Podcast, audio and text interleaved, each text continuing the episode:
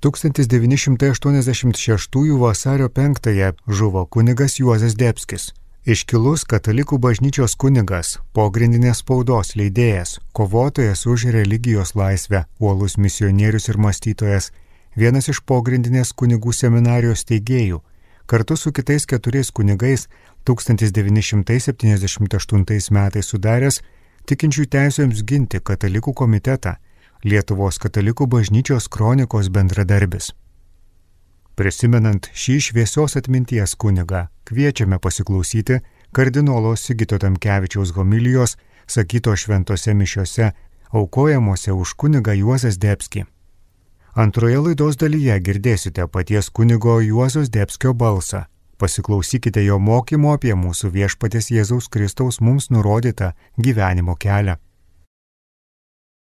Mes gyvendami šitoje žemėje nesame šeimininkai, bet nuomininkai.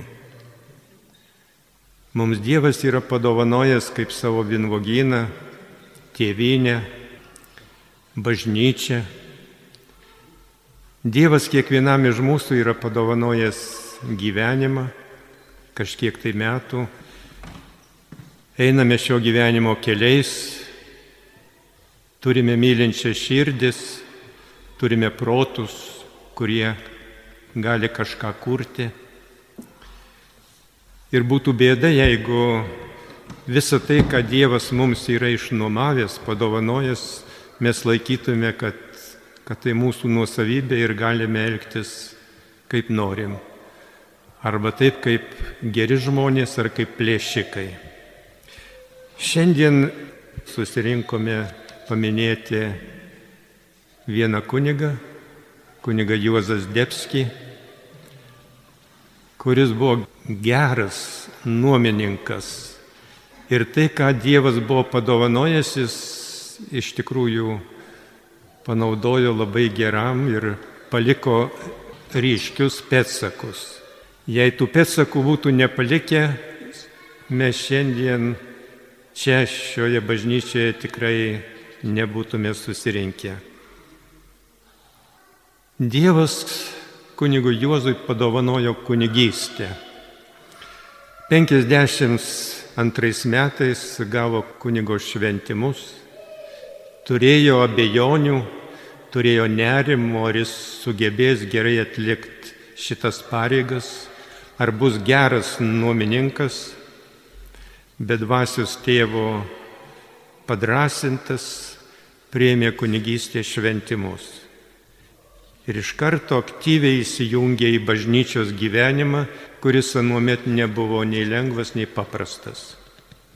Nebuvo religinės literatūros, reikėjo ją pogrindyje dauginti. Nebuvo galima net vaikus katekizuoti, reikėjo rizikuoti. Ir kunigas Juozas nesuabejojo visą tai daryti. Aš jį pirmą kartą sutikau 65 metais, kai jis grįžo iš praviniškių lagerio jau atlikęs pusės metų bausmę už vaikų katekizaciją. Nuteisė, įkalino, o paskui kitas teismas po pusės metų bausmę panaikino, nusprendęs, kad jis tik mokė, bet neorganizavo. Bet praeis e, keletas metų ir vėl už vaikų katekizaciją kuningas Juozas bus teisiamas. Ir jis e, teismo metu nesigins, neapgailės, bet aiškiai kalbės, kad darė tai, ko iš jo reikalavo viešpats. Dievas įpareigojo mokyti, o kaip jau civilinė valdžia pasielgs, tai jau jos reikalas. Na ir jam vėl atseikėjo metus lagerio. Kunigas Juozas anuomet, sakyčiau, turėjo tokia ir kartu ramė siela ir, ir neramė, ieškančia, kur, kaip, ką galima būtų padaryti. Buvo didžiulė bėda, Kauno kunigų seminarija galėjo priimti tik penkis seminaristus per metus. Ir tada kunigas Juozas su, su kitu kunigu rašo Kosigidoj raštą, kuriame argumentuoja, kad e, bažnyčia nereikia diskriminuoti ir kad tie, kurie nori siekti kunigystės, kad visi galėtų pasiekti. Tas raštas atsiduria KGB kontoroj ir jam uždraudžiama eiti kunigo pareigas, dirba melioratoriumi. Turėjau Dievo dovaną, kad galėjau būti kartu su juo šalia. Sausinome Jėzno laukus. Kai žvelgi į kunigo Juozo gyvenimą, E, tai, ką jis darė, kiek jis rizikavo, kiek jis aukojosi, iš karto kyla mintis, kaip, kaip visa tai įvyko, kodėl jis buvo būtent toks, o ne kitoks. Mes sutinkame daugelį kunigų, matome, atlieka pareigas, tarsi viskas gerai, bet nėra, nematom tos ugnies, to idealizmo, tos aukos dvasios, iš kur visą tai kilo kunigo Juozo gyvenime. Vartant jo paliktus dienoraščius labai aiškiai matosi vienas dėmuo. E, nuo seminarijos laikų kunigas Juozas buvo įsiugdęs tokį gilų maldos gyvenimą. Ir kai priemė kunigystės šventimus, jis buvo padaręs pasiryžimą, kad nepraleis nei vienos dienos, net likęs pusės valandos mąstymo. Reiškia, pusė valandos nepabuvęs su viešpačiu. Ir jis šitą pasiryžimą šventai vykdė, o ir tas toks gilus maldos gyvenimas buvo ta atrama, į kurią E, kunigas Juozas rėmėsi ir, ir jam visiškai buvo nesvarbu, kokios bus pasiekmės, ar ten katekizuojant vaikus, ar, ar kokią nors kitą pavojingą veiklą vykdant. E, buvo suvokimas, kad Dievas šito nori ir, ir jis drąsiai eidavo į priekį. Tai o tokio gražaus maldos gyvenimo, manau, iš kunigo Juozo mes visi galėtume mokytis ir mokytis. Kunigas Juozas nebuvo vienuolis, nepriklausė jokiam vienuolio ordenui, bet e, jo gyvenime ta tokia vienuoliška dvasia tai buvo, man atrodo, gilesnė už daugelio ir vienuolių. E, darydavo privačius neturto įžadus. Esu pats buvęs tų įžadų liudininku. Ir kai jis e, mirė per, per jo laidotuvės Rudominos klebonijoje, dekanas, dekano pareiga peržiūrėti visus e, mirusio kunigo pinigus. Jis ten nerado jokių pinigų ir stalo stalčiuose rado krūvelę akmenėlių parsivežtų kažkur iš, iš Sibiro, iš Kazakstano. E, eidamas e, kunigo pareigas, kur buvo e, vyskupo skiriamas, tais laikais tokių kunigų kaip kunigas Juozas į didelės parapijas nepaskirdavo, į mažas kaimo parapijas, tai turėjo galimybę šalia patarnavimo tikintiesiems dar, dar atlikti ir daug kitų gražių darbų. Ir kunigas Juozas aplankydavo tikinčiuosius ir Pavolgį, ir Sibirė, Kazakstane, Gruzijoje, Armenijoje. Kai 78 metais e, Lietuvoje susikūrė katalikų komitetas tikinčiųjų teisėms ginti ir kai kunigui Juozui buvo pasiūlyta gal, gal norėtų įsijungti į tą veiklą, kuri buvo pakankamai pavojinga, rizikinga, nebejodamas į komiteto veiklą įsijungė, pasirašė daugelį dokumentų įvairiais aktualiais bažnyčiai klausimais. Taigi ir mes visi, kurie buvom šalia, matydami jo pavyzdį, galėjome irgi mokytis ir, ir drąsos, ir aukos dvasios. Tais laikais e, tokių kunigų kaip e, Zdebskio tarnystė buvo, buvo neatsiejama nuo KGB persekiojimų, buvo sekamas, buvo daromos visokios neoficialios kratos. Vienu laiku apie jį buvo būrys agentų, net sunku patikėti, apie 115. Ir tai liūdėja kaip sovietinė valdžia, kaip, kaip bijojo bažnyčios, bijojo bažnyčiai esančių aktyvių kunigų ir norėjo visokiom priemonėm kaip nors jų veiklą sustabdyti. Nebuvo atsitiktinis e, jų darbas, kai lygiai prieš 40 metų panaudojant specialias priemonės, buvo sunkiai apdegintas, tiesiog išvestas iš reikiuotės. Ir saugumo pareigūnų buvo aiškus noras, kad taip apdeginus, kad gydytojai paskelbtų, kad jis yra susirgęs venerinė lyga. Taigi ir tik draugų išgelbėtas ir gerų gydytojų priežiūroj pasveikęs vėl galėjo sugrįžti į, į tarnystę.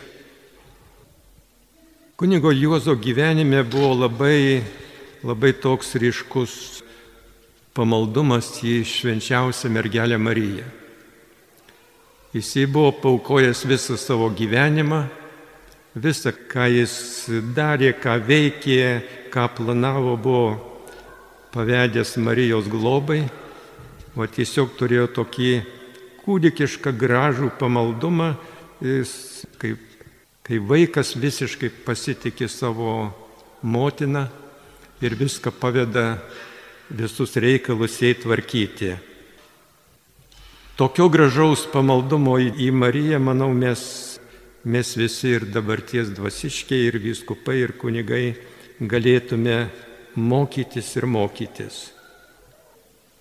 Pačioje jo, jo gyvenimo pabaigoje 1986 metais yra išlikusi KGB pažyma, kaip, kaip reikia šitą kunigą kompromituoti tik tikinčių akise. Taigi Ir ta pažyma išlikus tik vieną dieną iki jo žūties. Galima būtų daug kalbėti apie kunigo Juozo gyvenimą, bet vienas kitas paminėtas mano atvejais išliūdėja, o iš tikrųjų koks, koks gražus gali būti kunigo gyvenimas ir koks vaisingas kunigo gyvenimas, kada, kada jis sugeba užmiršti save, savo asmeninius reikalus ir visą save pašvenčia viešpaties tarnystėje. Šiandien prisimendami kuniga Juozą, melskimės, kad mūsų vad, dabarties ir ir vyskupai, ir, ir kunigai, visi visi va, turėtų tos aukos dvasios, kad labai brangintų maldos gyvenimą, kad labai brangintų tuos kryžius ir kryželius, kuriuos viešpats mums kartais padovanoja. Taigi kunigas Juozas labai brangino tuos gyvenimo momentus, kai jis, kai jis dėl ko nors kentėdavo, kai, kai išgyvendavo kokį nors pažeminimą. Visą tai jis skirdavo kaip, kaip auka už, už tuos žmonės, kuriems jis tarnavo. Jei mes nebūtume turėję panašių kunigų, bažnyčiaus nuostoliai sovietmečių būtų buvę žymiai didesni, tragiškesni. Ir tuo momentu, kai, kai sovietiniai valdžiai, KGB pareigūnams net pasisekdavo kai kuriuos kunigus užverbuoti ir tokiu būdu paralyžuoti jų kunigišką tarnystę. Panašus kunigai, kai kunigas Juozas buvo tarsi išpirkimo auka, kur, kur atsvėrė visą tai, kas bažnyčiai buvo suparaližuota ir daug pasitarnavo, kad kad ir bažnyčia išlaikytų šviesų veidą ir kad laisvės dvasia tautoje išliktų gyva. Melskimės, prašydami viešpatį siūsti gerų kunigų, gerų pašaukimų į kunigų seminarijas, už tai, kad šis laikmetis tam tikra prasme yra sunkesnis už sovietmetį, kai būna persekiojimas, automatiškai jis iššaukia pasipriešinimą, o kai persekiojimo nėra, tai mes visi pradedame tarsi klampoti ir, ir gerbuvis daugelį užbūrė ir dvasinėms vertybėms kažkur tai vieta paliekama tik tai paraštėse. Melskimės, kad kad Dievas siūstų gerų kunigų bažnyčiai ir Lietuvai. Amen. Girdėjote kardinolo Sigito Tamkevičiaus homiliją, sakytą šventose mišiose aukojamuose už kunigą Juozas Debski.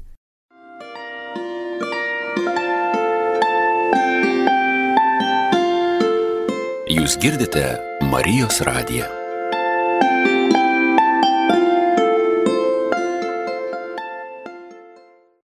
Vasario 3 dieną, 12 val.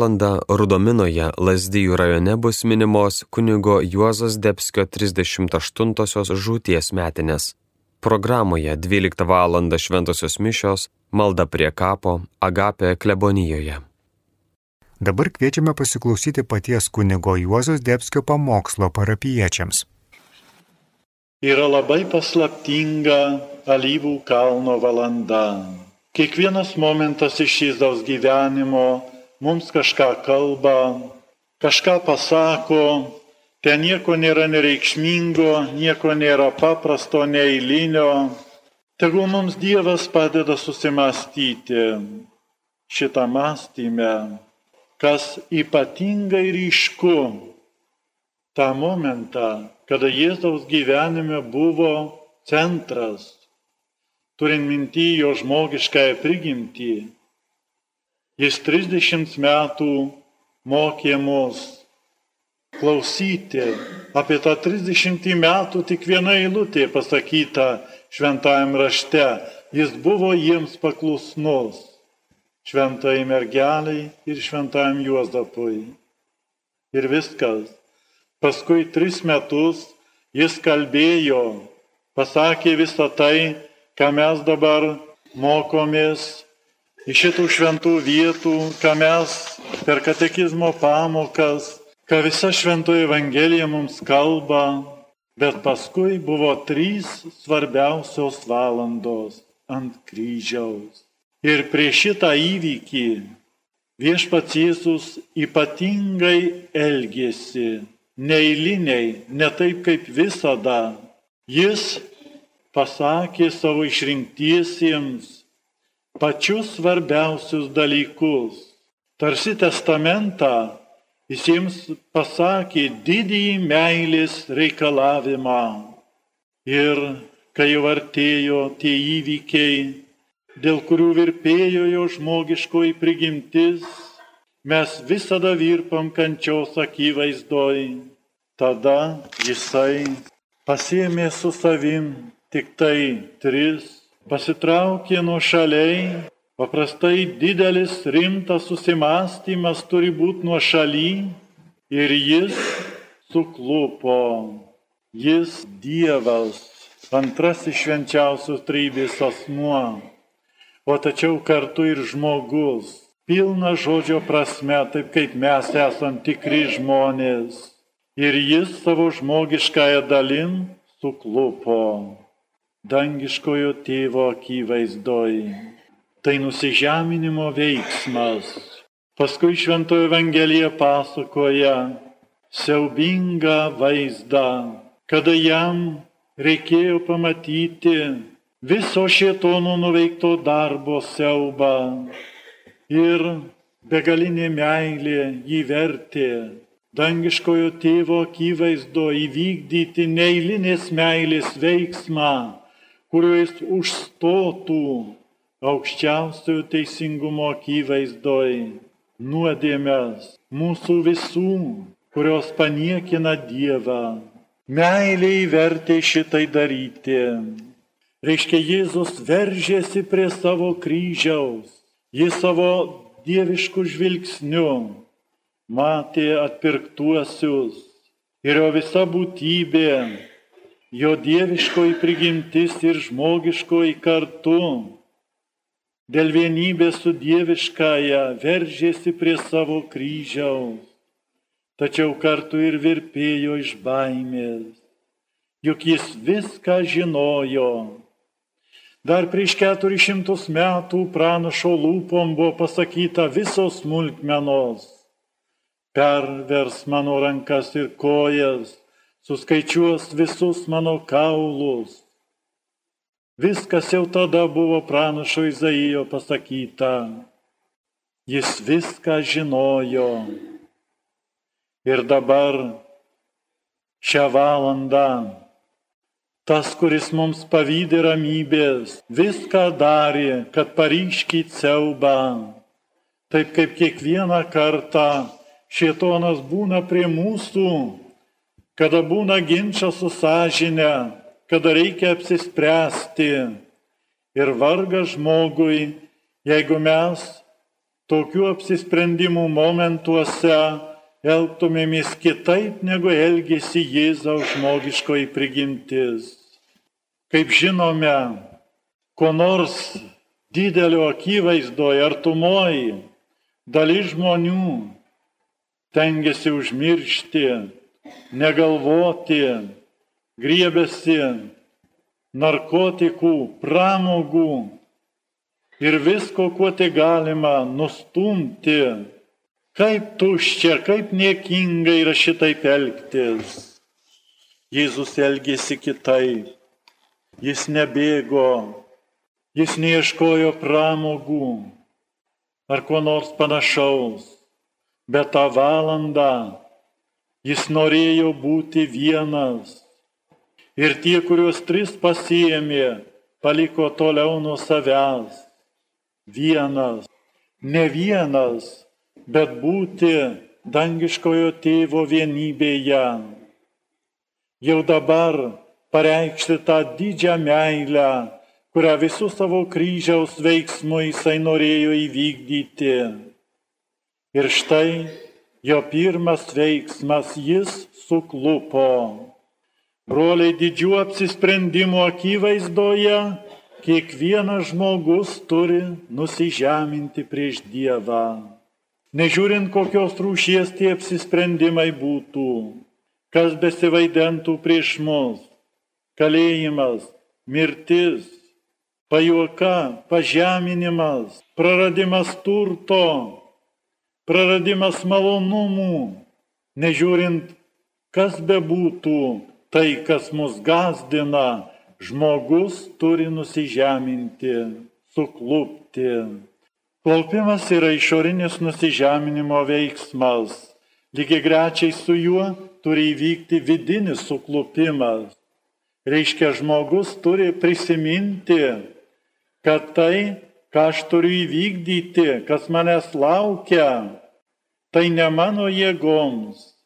Pavyzdžiui, žmogus kurdama šeimą turi žinoti, kad pašaukti vaikelius į buvimą, tuo pačiu padidinti Dievo kūrėjo garbę ir pasiekti, kad vaikelių visas gyvenimas būtų Dievo garbės įvykdymas, dėkingumo jam įvykdymas. Ir tuo pačiu visų dangaus angelų ir šventųjų akivaizdoj iš naujo skelbtų Dievo didybę ir jo nuostabumą, jo meilės stebuklą, kuris taip arti mūsų pasilenkia, žmogus kurdamas šeimą, atsimindamas šitą atsakomybę, turėtų palinkti panaštą. Čia nežmogiškiem pečiam pakelti.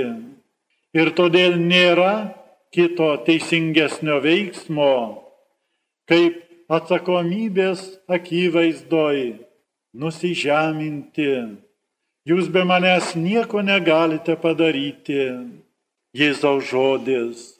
Lygiai grečiai broliai, pažiūrėjau, kunigas simdamas kunigystės sakramentą, šventimus, žmogus, berniukas ar mergaitė stodami į vienuolyną, kad reiškia savo gyvenimu ryštasi atsistoti aukščiausio teisingumo akivaizdoj ir užstoti daugelio nuodėmės. Kas gali jaustis drąsus ir todėl vienintelis teisingas kelias lieka nusižeminti ir prisiminti viešpatie žodį, jūs be manęs nieko negalite padaryti.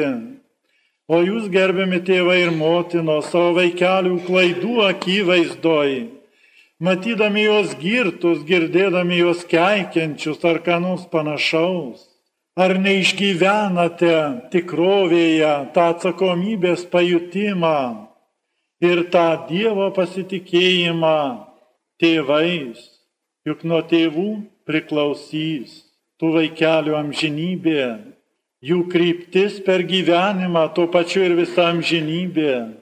Ir kas gali jaustis drąsus savo vaikelių klaidas matydamas? Ir lieka vienintelis tas pats teisingas kelias - nusižeminti prieš Dievą, palaiminti tėvai, kurie savo vaikų klaidas matydami klaupia Dievo akivaizdoj. Dievas yra visagalis Nėra jokių kliūčių įvykdyti savo valią, tačiau kad nebūtų atimta žmogaus laisvė, kažkas turi už jo nuodėmės atstovauti, atlikti atgailą, palaimintas vaikas, kurio tėvai klaupė prieš Dievą, jo nuodėmės matydami. Viešpats Jėzus alyvų kalno valandą suklupo. Tai prisimena mano broliai mūsų visų atsakomybė. Mes visi esam už kažką atsakingi. Pagaliau kiekvienas žmogus, jeigu jis būtų, pavyzdžiui, ir nevedęs, daleiskim, neturėtų savo vaikų, savo šeimos, jis vis tiek yra narys tautos, narys žmonijos ir jis vis tiek tam tikrą dalim neša atsakomybę už visos žmonijos likimą. Jo nuodėmė arba jo pergalė yra kartu laimėjimas visų keturių milijardų, kurie gyvena žemėje ir visų sielų, kurios kenčia skaistykloje. Tuo pačiu visų dangaus šventųjų ir angelų laimėjimas arba pralaimėjimas. Ir jausdami šitą atsakomybę, mano broliai, tegul mums Dievas padeda kad mes vis dėlto tiesiai ir be vaidybos save paklaustum. Jei būna mano gyvenime klaidų, jeigu aš kartais pralaimiu, tai aš privalau atsiminti. Prieš Dievą pralaimėjimų nėra, Dievas niekur nepralaimė. Jis šietonui leidžia veikti tik tiek, kiek jis pasitarnaut gali Dievo planams, tačiau tarpininkaujant kančiai.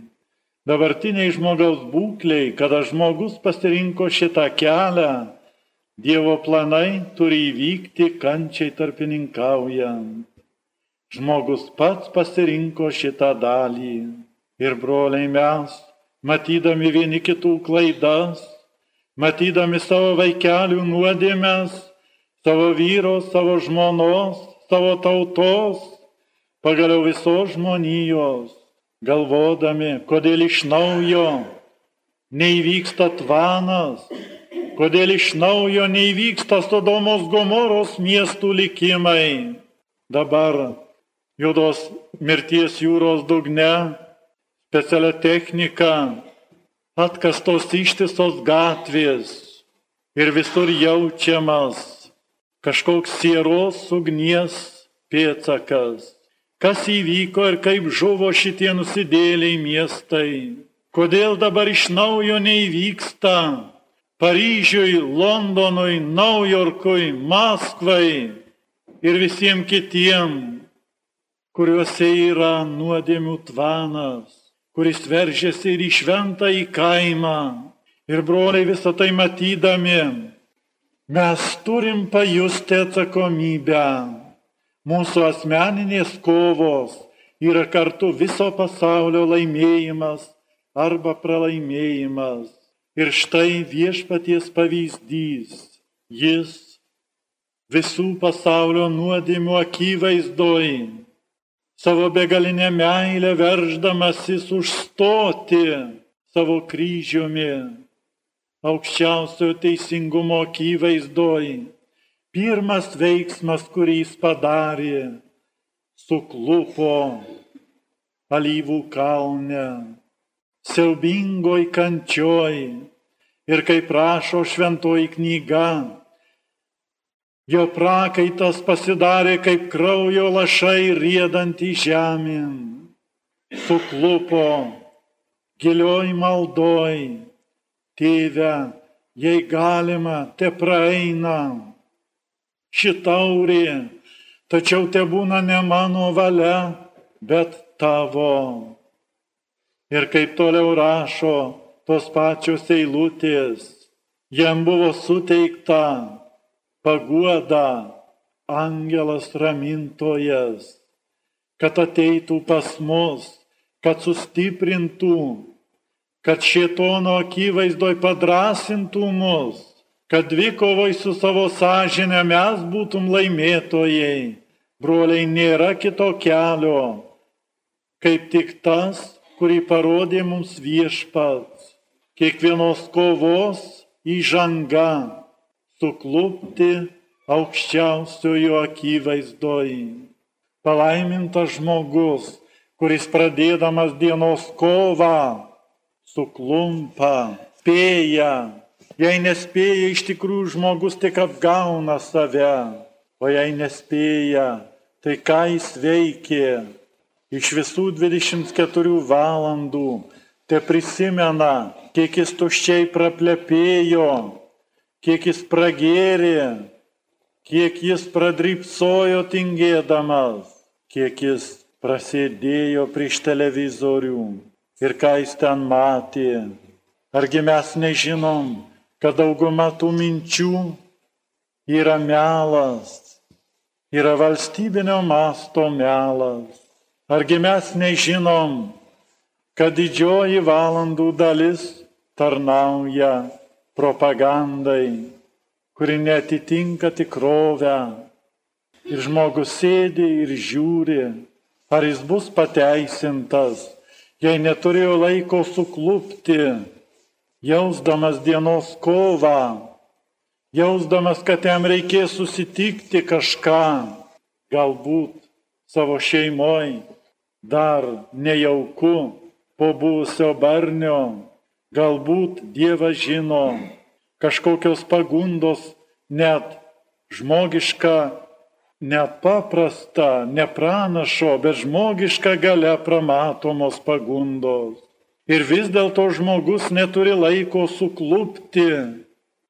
Jėzus turėjo laiko. Ir jei žmogus neturi laiko, jis kaltas. Mes viešpačiai galėtum, atrodo, daryti priekaištą. Jis leido maldą, maldai laiką. Kaip sako šventoji knyga, jis ištisas naktis maldoj praleidęs yra. Atrodytų, jis Dievas. Jis toj vietoj galėjo kalbėti, galėjo kažką išgydyti, kažkam atleisti, o vis dėlto visame paslaptingas saikas. Mes žmogišką filosofiją galėtum galvoti, jis dvylika vyrų įsirinko, negi jis negalėjo nors šimtą dvidešimt įsirinkti. Jis tris metus kalbėjo, mokė, negalėjo jis bent dešimtį metų mokyti vienoje žemės vietoje, o negalėjai bent kiekvienam žemynę po metus pabūti ar kaip nors kitaip.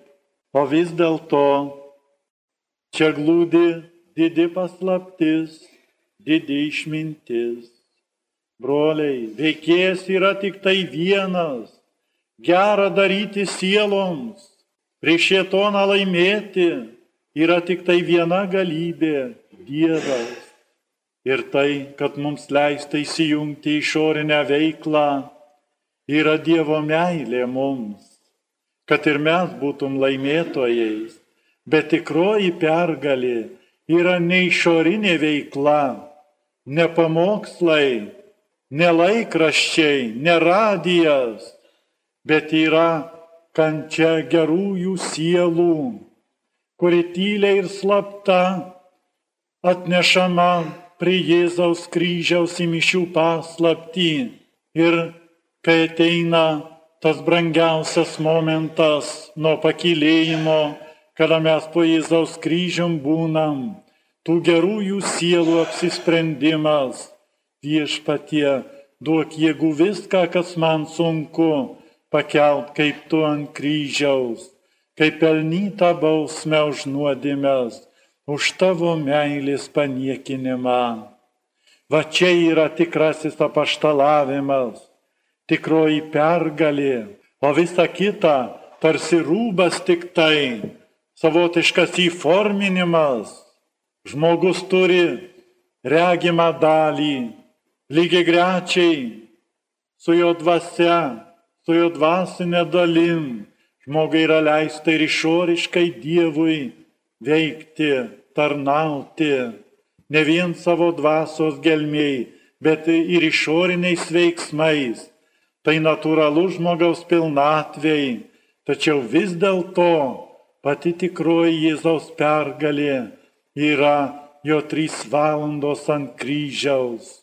Palaimintas žmogus, kuris atsakomybę jausdamas baimę jausdamas, didelius žygius pradėdamas. Palaimintas žmogus, kuris pagaliau kiekvienos dienos žygį pradėdamas suklumpa. Amen. Kalbėjo kunigas Juozas Debskis. Girdėjome jo pamokslą sakytą parapiečiams.